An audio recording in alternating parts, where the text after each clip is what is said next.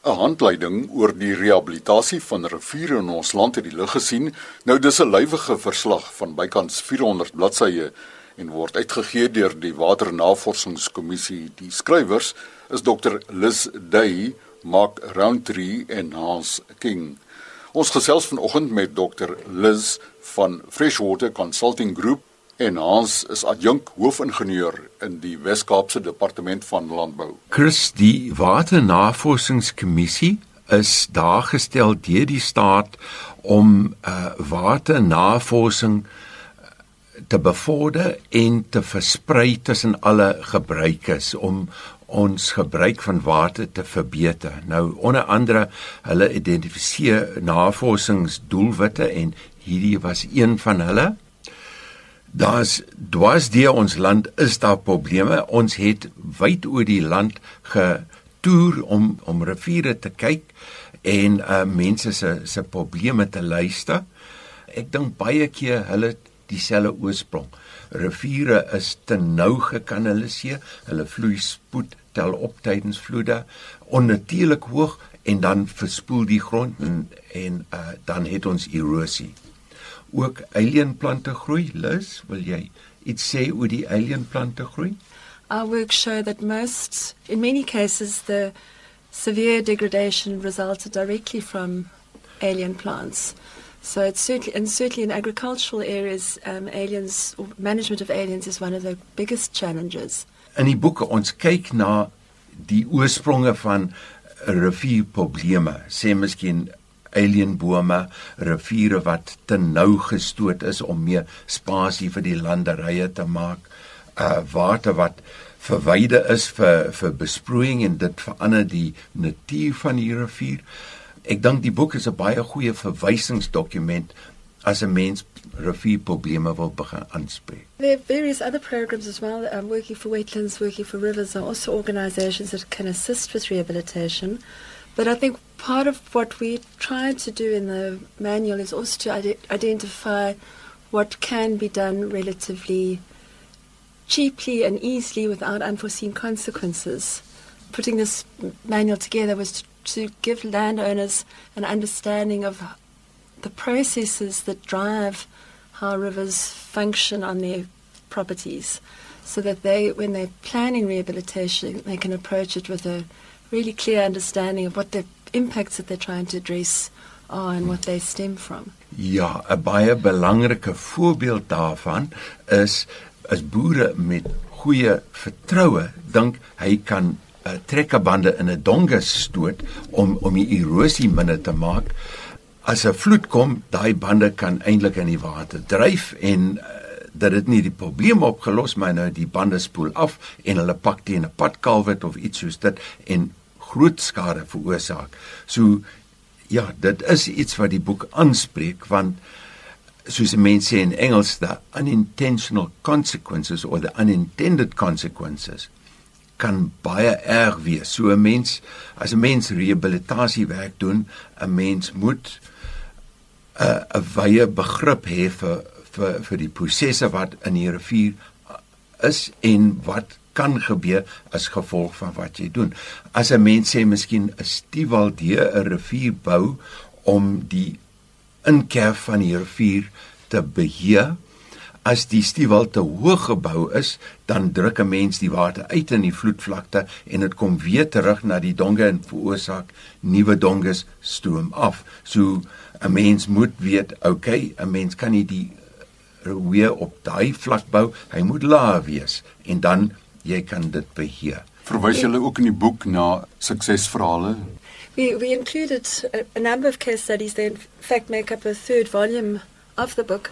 And the idea was to use them to illustrate both some of the problems and, as you say, some of the successes um, in rehabilitation. The, ca- the case studies range from a number of urban Rivers. urban ri- river rehabilitation exercises, but include a number of ones that have been ta taken out of agricultural settings. And also, they highlight some of the sometimes very minor interventions which can have large consequences at a river level. For example, small road crossings across palmite wetlands, which have resulted in massive loss of wetlands over kilometres um, and sometimes involving huge expense to rehabilitate. One of the things we tried to stress was that if you identify problems at an early stage, a lot of the costs involved in rehabilitating and a lot of the losses of land can be reduced.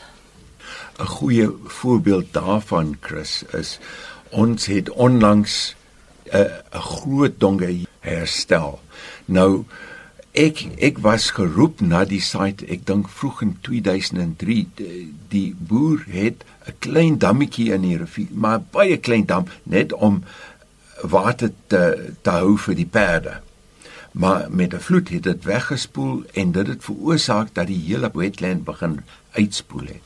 Nou daar was nie befondsing om 'n struktuur te bou om dit om dit te stop maar ek was bereid om dit om om fondse te soek as die boer bereid was om die alien plante groei uit te haal want dis die alien plante groei het baie daarmee te doen gehad dat dat die erosie begin het.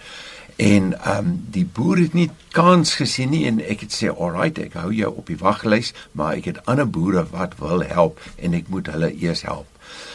Intussen het daai donge uitgespoel iets soos 500 meter lank, 13 meter diep dit het ons 20 miljoen rand gekos om dit te rehabiliteer.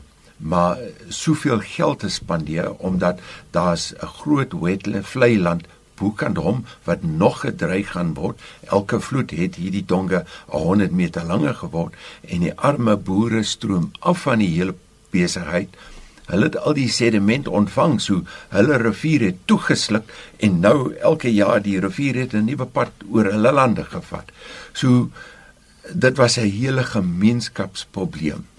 En as ons dit oorspronklik kon aanspreek, dit sou iets soos 100 000 rand gekos het om 'n klein struktuur te bou.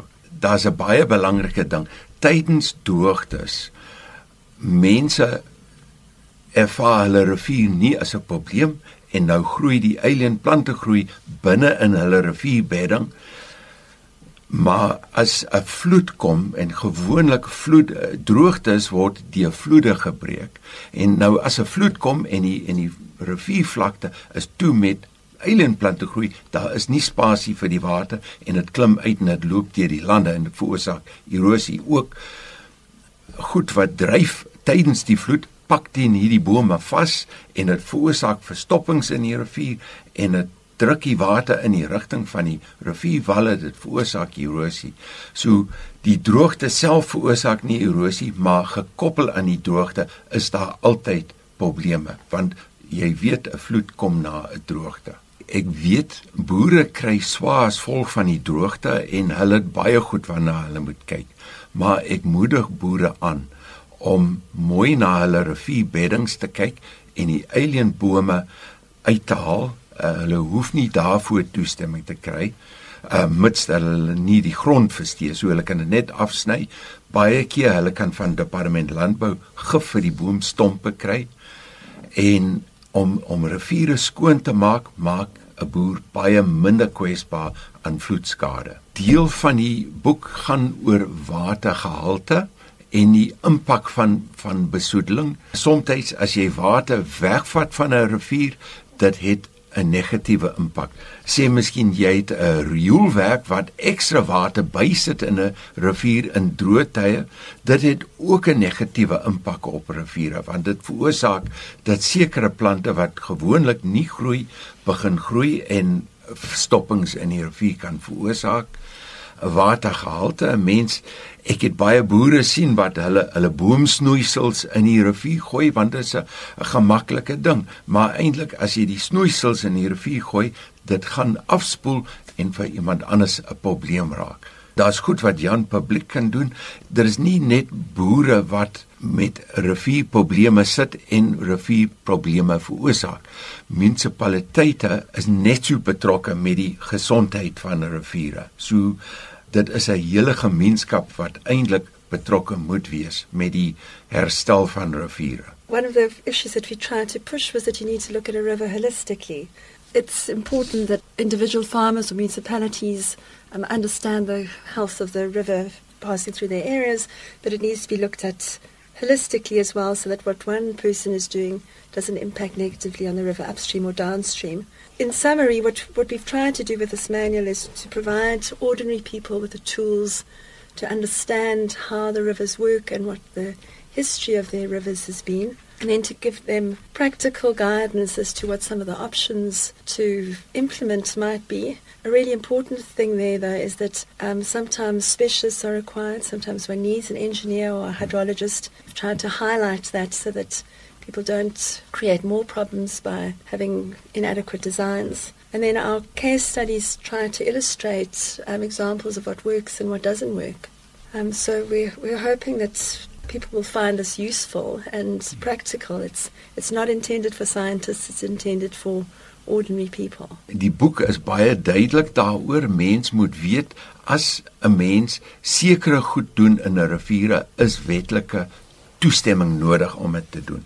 As jy meer as 5 kubieke meter grond verskuif byvoorbeeld of as jy 'n struktuur bou, ek dink met 'n met 'n footprint van meer as 100 vierkant meter, dan moet 'n mens toestemming by die departement omgewingsake kry.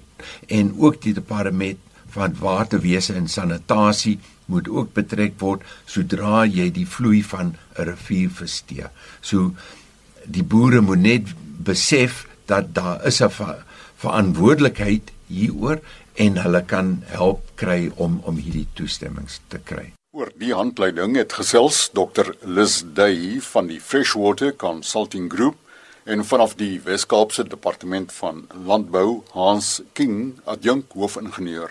Die handleiding is beskikbaar vanaf die Waternavorsingskommissie in Pretoria by telefoonnommer 012 761 9300 dis 012 761 9300 of dit kan ook afgelaai word vanaf die webtuiste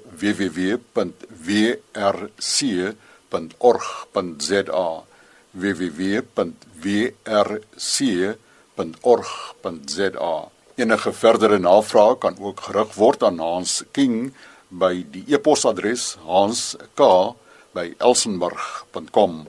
Tot 'n volgende keer groete.